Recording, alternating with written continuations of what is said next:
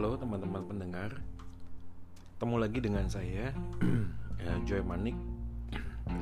Kali ini uh, kita ketemu di uh, podcast Yang akan Kita akan ngobrol bentar Berkaitan dengan relasi Seperti yang uh, podcast sebelumnya Itu berkaitan dengan relasi anak muda.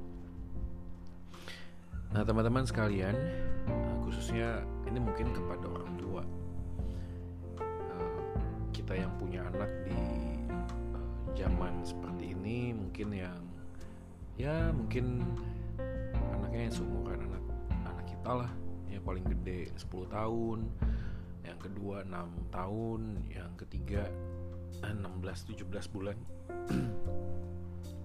Dan kali ini kita bakal sedikit ngobrol tentang pola pendidikan anak sih.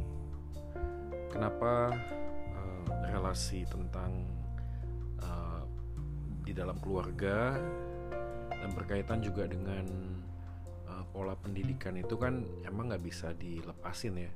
Gimana kita berkomunikasi dengan anak-anak sebagai orang tua, kita juga suami dan istri komunikasi itu ada satu timbal baliknya yang pasti juga nggak mungkin hindarkan akan berdampak dengan pola pendidikan kita terhadap anak-anak. Nah, teman-teman sekalian, di beberapa waktu ini saya buka YouTube dan mendapati ada satu uh, video yang jadi viral, ya trending nomor satu bahkan uh, itu berkaitan dengan uh, acara di net ya 86 yaitu sebuah acara yang nangkepin penjahat-penjahat gitu ya. Dan kali ini di net itu itu dikisahkan sekelompok anak muda yang konon adalah anggota geng yang kemudian dilaporin itu melakukan penjamretan. Jadi kalau lihat videonya itu sebenarnya ini geng sama geng sih mau mau berkelahi mau tawuran. Tapi entah kenapa setelah keliling nggak ketemu sama kelompok geng lainnya eh malah ngejamret nah waktu lihat video ini eh, anak-anak yang dikejar itu berani banget sih. Jadi dikejar polisi tapi mereka kayak mencoba defense ya coba cari cara untuk kabur sih. Nah dari sekilas video ini saya langsung uh, terfikirkan untuk bikin podcast ini. Ya kaitannya dengan dengan relasi sih relasi di dalam keluarga dan juga pola pendidikan terhadap anak. Nah, teman-teman pendengar sekalian, uh, pada waktu kita uh, mendidik anak di dalam keluarga, uh, saya nggak ngomong usia berapa ya. Memang ada banyak uh, teori tentang pola pendidikan anak di usia tertentu, ya. Mungkin secara psikologi, secara uh, komunikasi dan lain sebagainya itu banyak banget sih. Cuma kali ini saya lebih ke general sih. Nah, saya akan coba bagiin tiga kesalahan yang sering kali kita lakukan di dalam relasi kita kepada anak dan cara kita mendidik. Ya jadi itu nggak bisa nggak bisa dilepasin. Gimana kita berkomunikasi adalah kaitan kita dengan cara kita mendidik anak. Nah teman-teman pendengar yang uh, mendengarkan podcast ini kesalahan yang pertama kali saya akan bagiin adalah berkaitan dengan uh, role model peran. Ya peran kita sebagai orang tua di tengah-tengah uh, keluarga yang sebenarnya kita itu kadang harus bisa lebih apa ya lebih bisa menempatkan diri kita itu dalam situasi kondisi tertentu itu dengan berbagai macam peran role ya. kalau kita bicara tentang orang tua maka kita juga harus sadar bahwa uh, yang kita hadapi ini bukan dewasa yang kita hadapi adalah anak-anak. Nah, kesalahan kita yang utamanya adalah sering kali kita mencoba untuk menempatkan pola pikir kita sebagai orang dewasa itu kepada anak. Dan ini akan berdampak kepada sebuah konflik. Dan konfliknya itu nggak akan pernah berhenti. Hal-hal yang receh misalnya yang biasa-biasa itu justru menjadi pemicu-pemicu yang membuat membuat situasi dalam rumah tangga itu jadi nggak enak apalagi kalau kita di dalam situasi uh, COVID-19 ini ya. PSBB ya sekarang kayak udah mau masuk PSBB pembatasan yang sangat luar biasa kita harus di rumah. Dan kebayang dong kita kalau di rumah bersama dengan anak semakin kita banyak interaksi semakin banyak berantemnya deh. Nah kenapa kita uh, jadi sering konflik sama anak? Nah salah satunya adalah kita sebagai orang tua tidak menempatkan peran kita sebagai orang tua itu secara lengkap gitu. maksudnya apa sih? Uh, di dalam mendidik anak anak tuh tidak hanya membutuhkan order direct dari yang atas ke bawah gitu loh jadi top down tapi juga membutuhkan uh, teman sahabat yang bisa sepantaran. Jadi misalnya contoh yang sederhana lah ya. Waktu kita sebagai orang tua melarang anak main games atau malah meminta dia untuk berhenti nonton kita ini cenderung menjadi orang tua yang otoriter. Kita pengen apa yang kita katakan tuh harus langsung diikutin which is itu juga nggak salah sih sebenarnya. Cuma dalam kaitan tertentu kita juga pernah jadi anak kok dan kita kan merasa gini loh dalam dunia kita sebagai anak games itu adalah hal yang penting gitu loh. Dan bukan berarti kita juga membuat legitimasi pembenaran bahwa main games berapa lama boleh enggak sih. Tapi paling tidak kita ini menjadi orang tua yang belajar menempatkan diri kita juga dengan sudut pandang seorang anak. Jadi kalau mau main games, melarang dia untuk berhenti main games, ada baiknya kita juga main gamesnya bareng atau kita kasih extend, kita tanya berapa lama lagi deh. Uh, 10 menit, 15 menit atau sampai di mana nanti berhenti kita harus ini gitu. Nah, ini pola-pola yang seperti ini menjadikan anak itu punya kayak sahabat. Ya memang di dalam pergumulan saya sendiri sih di dalam uh, melihat anak yang umur 10 tahun. Ya, terutama yang 10 tahun sih. Kedekatan sebagai sahabat itu memang dibutuhin banget sih sama anak-anak di usia ini. Dia membutuhkan temen yang bisa kayak apa ya ya kayak temannya deh temannya deh. Dan uh, di dalam satu buku ya itu pernah dikatakan bahwa ada tiga tipe orang tua dalam mendidik anak. Yang pertama tadi yang saya jelasin tentang otoriter ya kita mencoba untuk mencoba untuk menempatkan diri kita di dalam kekuasaan yang penuh untuk mengatur anak. Yang kedua adalah permisif.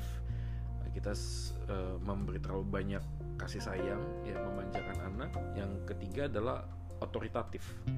Itu sebuah gaya orang tua yang menggabungkan keduanya sih. Jadi memberikan anak aturan uh, tapi juga uh, bisa memberikan uh, dampak yang uh, bagus di dalam kasih sayang. Jadi ini lebih ke blend. Ya menurut buku ini memang tipe yang ketiga itu yang lebih baik.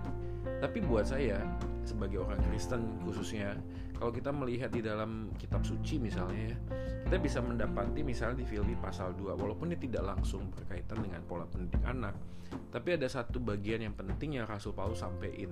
Dikatakan begini, hendaklah kamu dalam hidupmu bersama menaruh pikiran dan perasaan yang terdapat juga dalam Kristus Yesus yang walaupun dalam rupa Allah tidak menganggap kesetaraan dengan Allah sebagai milik yang harus dipertahankan melainkan telah mengosokkan dirinya dan mengambil rupa seorang hamba dan menjadi sama dengan manusia dan seterusnya. Nah, kalimat ini itu memberikan sebuah pesan yang uh, bagus sekali buat kita. Maksudnya adalah pada waktu kita hidup bersama, teladan Yesus yang adalah Tuhan menjadi manusia itu menjadi patron yang jelas sih. Jadi ini namanya kan inkarnasi ya. Tuhan yang tidak terbatas lalu menjadi manusia yang terbatas supaya yang terbatas ini bisa ngobrol juga sama yang terbatas dari hati ke hati. Intinya gitu deh. Jadi Tuhan itu memilih cara menjadi manusia bukan hanya sekedar dia itu datang menembus dosa manusia. Menurutku nggak begitu nggak cuma sekedar itu sih. Kalau memang cuma sekedar itu rasanya ya datangnya nggak harus jadi bayi deh kayaknya aja terus menebus dosa. Enggak sih dia datang seperti manusia secara normal untuk memberikan sebuah teladan gambaran yang utuh tentang manusia. Bahkan dia lahir itu dalam keadaan yang sederhana ya lalu mati juga menderita. Jadi bagian penting dalam hidup manusia adalah uh, pertanyaan mengenai penderitaan kan. Dan kita mendapatkan sebuah jawaban yang jelas bahwa uh, Yesus yang adalah Tuhan aja mau menderita gitu loh. Artinya penderitaan nggak selalu uh, jahat kan. Tapi by the way pada waktu Yesus jadi manusia dia itu memberikan sebuah gambaran bahwa manusia tuh bisa ngobrol sama manusia ketika jadi sama gitu loh. Dan cara pandangnya itu sama melihatnya itu sama. Karena Yesus tuh bisa disentuh diajak ngobrol Yesus juga bisa menangis bisa lapar sama seperti kita. Oh ya pasti dia nggak berdosa sih itu bedanya sama kita. Tapi paling tidak ini menjadi gambaran bahwa pada waktu kita melihat anak gambaran inkarnasi itu juga jadi penting sih. Maksudnya kita juga melihat anak dalam dunia dia jangan memaksakan pikiran kita untuk memasukkan ke dalam uh, pikiran anak. Saya tahu dalam bagian tertentu kita harus jadi orang tua yang tegas sebagai bapak sebagai ibu yang bisa ngasih arahan yang jelas ketegasan. Tapi dalam sisi yang lain anak juga membutuhkan peran sebagai sahabat dan saya rasa kegagalan kita terbesar pada waktu kita mendidik anak adalah relasi yang kita bangun itu lebih top down aja sih. Nggak ada nggak ada equality-nya ya. Nggak ada satu bagian gambaran yang membuat anak itu kayak punya sahabat dan dia merasa bahwa e, kalau dia punya kesulitan dia bisa menjadikan papanya atau mamanya itu sebagai sahabat yang bisa dicurhatin lah bisa curcol dan sebagainya nah ini adalah uh, poin pertama. Harapannya adalah melalui kita merefleksi bagian ini kita bisa belajar ini ya. Kan ini nggak gampang ya. Saya tahu sih. Maksudnya kita pada waktu udah kerja kita capek apalagi waktu covid-19 kayak gini kita di rumah juga kadang-kadang kita juga punya punya keinginan kebutuhan mami masak udah capek lalu harus nemenin anak kita juga sebagai papa juga kadang masih ada kerjaan mungkin. Dan ini membuat kita tuh harus betul-betul bayar harga sih kalau mau jadi teman jadi sahabat. Kadang itu butuh waktu yang lebih lebih besar ya. Melihat bagian itu mungkin bermain games bersama itu lebih better sih daripada kita sekedar memberikan izin lalu kemudian kita membiarkan. Oke, yang kedua adalah kesalahan kita sering kali kita lakukan mungkin ini ya. Yang kedua tuh memanjakan Memang definisi memanjakan ini juga terlalu banyak sih ya memanjakan itu apa ya. Tapi paling tidak saya coba bagiin gini. Di dalam sebuah survei yang diadakan oleh CNN dikatakan bahwa di ini di orang tua di Amerika ya. Dua per tiga orang tua itu e, memanjakan anak. Nah kata memanjakan di dalam survei CNN ini adalah ketika anak itu mendapatkan segala sesuatu yang dia minta dan orang tua selalu memberi. Ya jadi lebih kayak gitu ya. Jadi anak tuh jadi manja tuh karena uh, orang tua tuh selalu memberi apa yang anak inginkan. Lagi-lagi relasi yang seperti ini dalam pola mendidik anak juga nggak baik nggak baik sih dan kita sadar ya. Tapi saya juga dalam satu bagian memahami maksudnya gini saya pernah dengar curhatan orang tua yang bilang gini saya sayang banget sama anak saya. Bapak tahu nggak kita ini berdoa berusaha untuk dapetin anak ini tuh lama banget gitu loh. Lama kita udah usaha ke sana ke sini gitu loh. Terus Tuhan kasih. Nah bagaimana mungkin gitu loh? Jadi tanpa sadar orang tuanya tuh autopilot mungkinnya secara otomatis dia merasa dia udah berusaha lalu dia dapat dia pengen segalanya yang dia punya tuh dicurahkan dikasih sama anak ini tapi tanpa sadar malah ini menjadi menjadi bumerang sama anak ini gitu loh. Nah, memanjakan anak ini juga bisa jadi karena kita ini terlalu sayang sehingga konsep kita tentang sayang tentang kasih itu jadi nggak jelas maksudnya gini kedisiplinan hukuman itu juga harusnya jadi bagian yang nyata di dalam kita itu mengasihi anak. Mengasihi anak itu kan gak harus selalu dengan kelembutan kadang juga butuh kedisiplinan sih. Ya. dan kita harus meyakinkan bahwa anak tuh mendapatkan mendapatkan perlakuan disiplin itu karena papa mamanya sayang. Nah inilah sebenarnya poinnya. Maksudnya inilah kesalahan kita yang sering kali kita lakukan yaitu kita itu marah bukan karena kita pengen anak ini menjadi lebih baik tapi lebih kepada satu reaksi ya reaksi ya mungkin kalau ngomong kedagingan ya. Ingin meluapkan emosi karena kita merasa otoritas kita tuh terganggu ya misalnya dibantah diomongin nggak dijawab. Kita gampang banget sih itu langsung bereaksi. Bereaksinya dengan marah. Kan ini lucu ya. Jadi pada waktu anak marah kita menegur anak juga dengan kemarahan. Kamu nggak boleh marah ya. Awas kalau kamu marah. Nah ini ini juga jadi pesan yang nggak baik sih sama anak. Kadang-kadang walaupun mungkin ya kita berpikir belum ngerti gitu ya. Tapi anak ini kan langsung mendapatkan sebuah pesan loh kalau saya marah nggak boleh. Tapi papa mama juga marah. Nah, ini menjadi pergumulan tersendiri sih di dalam kita mendidik anak uh, di dalam sebuah relasi di dalam keluarga. Nah, teman-teman pendengar sekalian, hmm, Amsal 13 ayat 24 tuh ngomong begini, siapa tidak menggunakan tongkat benci kepada anaknya, tetapi siapa mengasihi anaknya menghajar dia pada waktunya. Nah, Amsal 13 ayat 24 ini juga sebenarnya punya punya pesan bukan hanya sekedar uh, cara kita mendidik dengan disiplin, tapi juga kita bisa melihat sebuah ini ya, sebuah ordo. Ordo tuh apa ya? ordo tuh hierarki ya gitulah ya jadi jadi paling atas tuh kan Tuhan misalnya ya di dalam satu bagian kitab suci itu dikatakan gini barang siapa yang uh, mengasihi bapaknya ibunya saudaranya lebih daripada aku tidak layak menjadi muridku. Nah Yesus ngomong begitu. Artinya Yesus juga mengajarkan bahwa yang utama di dalam sebuah uh, prioritas cinta itu Tuhan. Tuhan tuh jadi yang pertama. Walaupun ini juga nggak bisa ditafsirin terlalu terlalu sempit juga sih tapi paling tidak ini menjadi gambaran bahwa kita tuh belajar mencintai Tuhan dulu kan. Kasihilah Tuhan Allahmu kasihilah sesamamu dan dirimu sendiri. Tapi ini juga memberikan sebuah pesan bahwa di dalam berumah tangga. Pola pendidikan di dalam keluarga relasi kita juga begitu. Tuhan tuh paling utama pertama yang urutan kedua orang tua yang di bawahnya baru anak. Nah kalau ordo ini terganggu misalnya anak jadi yang pertama nih terus Tuhan jadi nomor keberapa gitu ini pasti akan menimbulkan gejolak sih di dalam di dalam keluarga gitu loh. Dan tanpa sadar kita tidak mendidik anak dengan baik kita jadi memanjakan anak tuh jadi penggantinya Tuhan gitu lah ya mungkin ekstrim banget sih tapi paling tidak begitulah ya kita tidak lagi tunduk kepada Tuhan tapi lebih tunduk kepada maunya anak jadi gimana Pak kalau kita bicara tentang memanjakan anak? Menurutku sih kita sebagai orang tua kita harus belajar dulu tunduk sama Tuhan.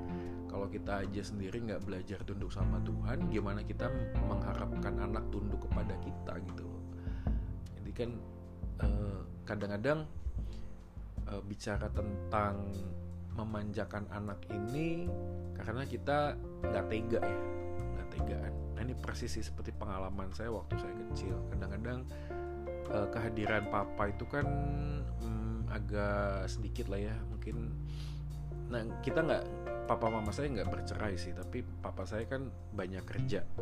Nah pada waktu pada hal yang sama di satu bagian tertentu saya membutuhkan uh, sosok yang bisa tegas gitu. Dan mama saya kan nggak tegaan ya jadi kadang-kadang saya udah tahu sih celahnya gitu loh. Celahnya kalau saya pengen sesuatu caranya gimana? Ngamuk marah lalu melakukan sesuatu. Nah biasanya mama tuh langsung bisa uh, ngikutin apa yang saya jadi uh, teman-teman pendengar sekalian kesalahan kita yang terbesar adalah ketika kita menempatkan anak itu sebagai Tuhan yang kadang lebih kita ikutin maunya ketimbang Tuhan yang seharusnya gitu loh yang harusnya kita kita uh, kita ikutin. Jadi kalau ordo tidak pernah jelas di dalam sebuah relasi di rumah ya khususnya, nah anak akan mendapatkan uh, kesulitan untuk bisa memahami. Karena gini uh, waktu kita bicara tentang tentang ordo ya ini kan bukan cuma sekedar firman atau apa pun yang kita sampaikan kepada anak tapi juga sebuah pola hidup kan. Makanya example explains everything. Contoh itu menjelaskan segalanya. Dan kecenderungannya gini kita ini kita ini memaksa anak untuk tidak melakukan apa yang kita lakukan. Saya ulang kita ini sering kali memaksa anak untuk tidak melakukan apa yang kita lakukan. Jadi apa yang kita lakukan? Kita berbohong. Nah kita pengen anak tidak lakukan berbohong padahal kita lakukan begitu gitu. Dan atau misalnya kita minta anak baca Alkitab. Nah tapi kita sendiri nggak pernah baca Alkitab gitu loh. Ini juga kan jadi permasalahan sehingga uh, respect anak terhadap orang tua juga jadi sulit gitu loh nggak bisa dilihat. Kenapa? Karena uh, do what I say but don't do what I do. Lakukan apa yang kukatakan tapi jangan lakukan apa yang kulakukan. Jadi kesalahan kesalahan besar kita di dalam mendidik anak dalam usia apa pun ya sebenarnya adalah kita tidak tidak menempatkan Tuhan itu menjadi yang utama dalam hidup. Jadi seakan-akan kemudian kita ini punya pola mendidik anak. Ya kan sekali lagi ya seperti yang aku ngomong di awal definisi memanjakan itu juga apa gitu loh. Kedisiplinan pun dibutuhkan tapi juga sebagai ungkapan sayang dong harusnya bukan karena kita cuma meluapkan kebencian. Nah ini berkaitan sama bagian yang ketiga sih. Bagian yang ketiga adalah uh, ini orang tua itu kita ini gagal uh, membuat sebuah sebuah budaya yang bukan cuma baik tapi benar di dalam sebuah keluarga. Kita gagal menciptakan sebuah budaya. Nah, teman-teman pendengar sekalian yang perlu kita pahami adalah uh, budaya itu membentuk karakter. Jadi habit kan ya, habit tuh kebiasaan, kebiasaan tuh jadi budaya. Budaya itu nanti jadi tradisi ketika kemudian di tongkat estafetnya dikasihin ke anak, ke cucu jadi tradisi yang terus akan berulang, berputar di sana terus. Dan setiap bagian budaya yang kita buat di dalam keluarga itu membentuk karakter bukan cuma anak tapi juga kita sih Nah, ini menjadi uh, kesulitan buat kita adalah ketika uh, anak itu mendapatkan budaya yang tidak sehat, yang dibangun di atas dasar budaya kita sebagai orang tua. Yang tanpa sadar itu menjadi sebuah pelajaran yang mendarah daging kepada anak. Misalnya contoh, budaya menyelesaikan masalah dengan amarah misalnya ya jadi kalau ada apa-apa ujung-ujungnya ngamuk dulu. Udah ngamuk lalu uh, lempar ini lempar itu baru baikan. Nanti ada masalah lagi. Ngamuk lempar ini lempar itu baikan. Nah anak itu mendapatkan informasi bukan dari apa yang dide di, didengar tapi yang dilihat. Kan begitu ya? Dan anak tanpa sadar kemudian mendapat informasi oh kalau gitu setiap setiap masalah itu harus diselesaikan dengan amarah kalau sudah puas marahnya baru bisa ketemu solusinya apa. Ini kan budayanya nggak nggak baik ya.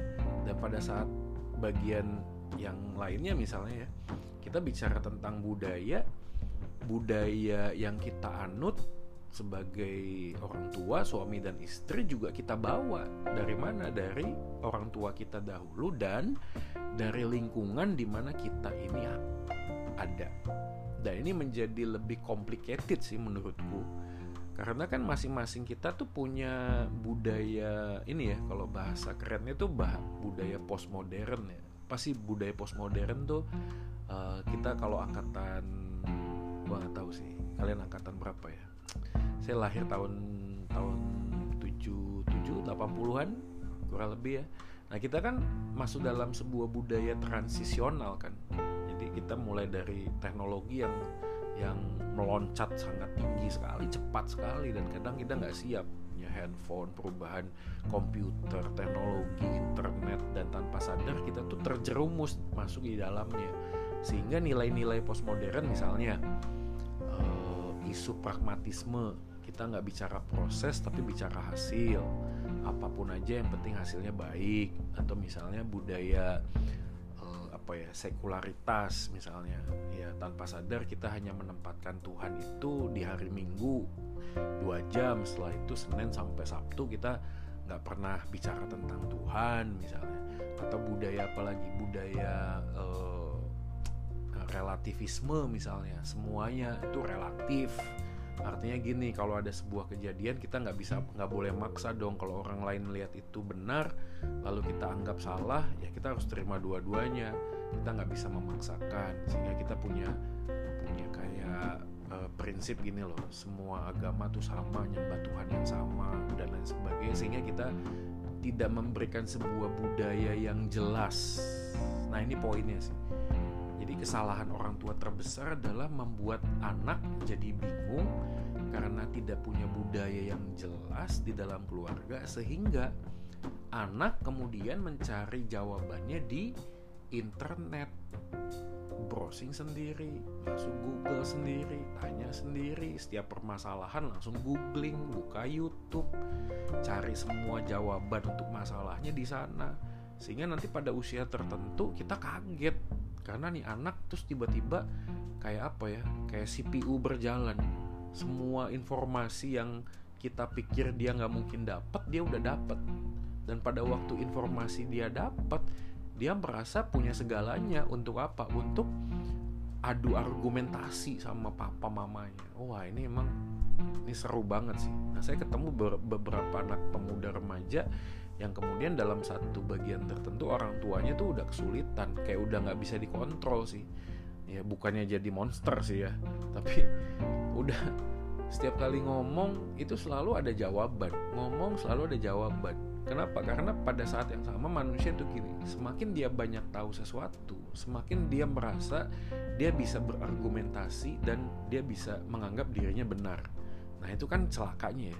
Maksudnya celakanya adalah anak itu mendapatkan informasi di internet uh, tidak informasi yang benar dan baik. Karena anaknya juga nggak punya filter kan. Maka daripada itu budaya yang harusnya kita bangun di dalam keluarga adalah budaya yang sesuai dengan firman kan gitu. Misalnya contoh ulangan pasal 6 6 sampai 9. Ya, seperti yang kita tahu, apa yang kuperintahkan kepadamu pada hari ini haruslah engkau perhatikan. Ya, ini membaca tentang firman, tentang Taurat Haruslah engkau mengajarkannya berulang-ulang kepada anak, membicarakannya apabila engkau duduk, apabila engkau sedang dalam perjalanan, apabila engkau berbaring, apabila engkau bangun. Nah, semuanya itu disampaikan. Jadi ulangan pasal 6 ini sebenarnya juga sudah memberi pesan bahwa bicara tentang Tuhan dan firman-Nya itu tidak bisa disekat-sekat sih. Makanya kita kan percaya gini, tidak ada bidang di dalam uh, pandangan iman Kristen yang sifatnya sekular. Nggak ada. Semuanya tuh sifatnya sacred kudus. Ya kalau setiga 23 apa pun juga yang kamu perbuat perbuatlah seperti untuk Tuhan bukan untuk manusia kan? Jadi pada waktu kita menciptakan budaya yang seperti ini kita menjadi sadar bahwa uh, Tuhan itu kehadiran Tuhan dan firman-Nya itu relevan di dalam semua bagian hidup pada waktu kita berrelasi dengan anak. Nah, sebagai contoh sederhananya begini, kami di rumah itu memberikan izin kepada anak untuk main gadget, ya. Tapi kita juga pada saat yang sama mengajarkan anak untuk bertanggung jawab. Jadi dikasih 30 menit. Ya, setelah bunyi kembalikan. Nah, di dalam konteks bagian itu kita ngajarin kepada anak supaya memahami gini loh, apa yang kamu lakukan dalam bentuk tanggung jawab adalah bentuk tanggung jawabmu kepada Tuhan. Sehingga setiap kali dia melakukan sesuatu yang salah, kita langsung refer tuh kepada Tuhan. Maksudnya kita minta dia juga berdoa misalnya. Ya salah kepada Tuhan, yuk kita sama-sama minta maaf sama Tuhan. Atau misalnya uh, budaya uh, sekolah misalnya ini kan lagi sekolah online ya Nah, kadang-kadang anak tuh kan bisa jenuh, malas. Nah, kita mengencourage-nya gimana? Ya, kita ngafalin ayat kan ada Colossians uh, 3 verse 2. Ya, set your mind to uh, things above, ya, pikiran-pikiran di atas, not on earthly things. Nah, kita ngafalin sama-sama tuh ayat itu. Set your mind, ya pikirkanlah hal-hal yang ada di atas di surga, bukan apa yang ada dalam dunia.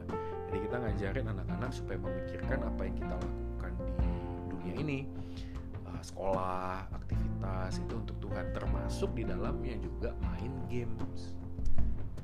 Jadi budaya yang membentuk pola pendidikan anak di dalam komunikasi yang lebih lebih apa ya mentuhankan Yesus di dalam semua area sih dalam hidup ini. Karena aku yakin gini loh, uh, tidak ada yang salah dengan nonton YouTube, film atau main gadget. Tapi ini yang normal ya maksudnya film-film yang memang untuk usianya ya misalnya. Tetap kan kita juga memberikan arahan untuk itu. Tapi tidak ada yang salah dengan nonton itu. Kalau kita sadar bahwa semua yang kita sedang kerjakan ini untuk Tuhan. Jadi main gadget juga sebenarnya bisa sih kita persembahkan buat Tuhan. Why not gitu loh? Kan dalam bagian tertentu kita ini bisa menikmati Tuhan melalui apa yang uh, Tuhan percayakan misalnya hikmat untuk membentuk membuat games teknologi itu juga bagian sih. Tapi kita jangan sampai dikuasai oleh games kan makanya kita perlu belajar untuk mengontrol diri. Nah caranya gimana? Ya buah roh kudus itu penguasaan diri. Nah teman-teman pendengar sekalian uh, mungkin ini sih maksudnya uh, kesalahan kita yang kita perlu waspadai supaya uh, kita ini uh, apa ya punya relasi yang baik sih di dalam mendidik anak. Ya. Jadi yang pertama tadi adalah uh, ordo ya lebih ke sebuah role model ya inkarnasi tadi ya. Lalu yang kedua adalah uh, memanjakan tadi. Kita harus jelas juga sih sebenarnya disiplin adalah bentuk bentuk lain dari cinta kasih ya disiplin lalu yang terakhir adalah tentang uh, bagaimana kita menciptakan sebuah budaya budaya Kristiani yang bukan cuma sekedar memperdengarkan tentang uh, firman dan Tuhan tapi juga yang dihidupi ya panggilan kita adalah menghidupi Injil supaya orang lain bisa lihat Injil yang yang hidup. Makanya menarik ya di dalam Alkitab kan kita punya berapa ya? Empat Injil ya harusnya lima. Maksudnya Injil apa sih? Injil Matius Markus Lukas Yohanes. Nah yang kelima siapa? Kelima adalah Injil kita jalani. Jadi kita adalah Injil yang terbuka yang bisa dilihat orang. Dan budaya uh, tentang kehadiran Tuhan di dalam semua lini kehidupan harusnya menjadi poin utama. Baiklah teman-teman pendengar sekalian, ini podcast yang saya bisa bagiin, kiranya juga bisa bermanfaat sih. Uh, bukan cuma buat pendengar tapi juga buat saya kita sama-sama bertumbuh. Kalau ada dari teman-teman sekalian mau kasih review kasih komentar bisa DM saya di Instagram uh, di Instagram @joymanik. Ya bisa follow saya juga uh, atau bisa apa ya? Bisa ya WA lah. Dan kiranya uh, bagian ini juga menolong kita selama kita ada di rumah saja belajar untuk menjadikan momen-momen yang seperti ini juga menjadi momen yang indah yang baik buat kita untuk bertumbuh uh, mengasihi Tuhan dan mengasihi anak-anak kita membangun sebuah relasi yang baik dan benar. Oke Tuhan memberkati segala kemuliaan hanya bagi Tuhan. Sampai ketemu lagi di podcast selanjutnya. Ciao. God bless you.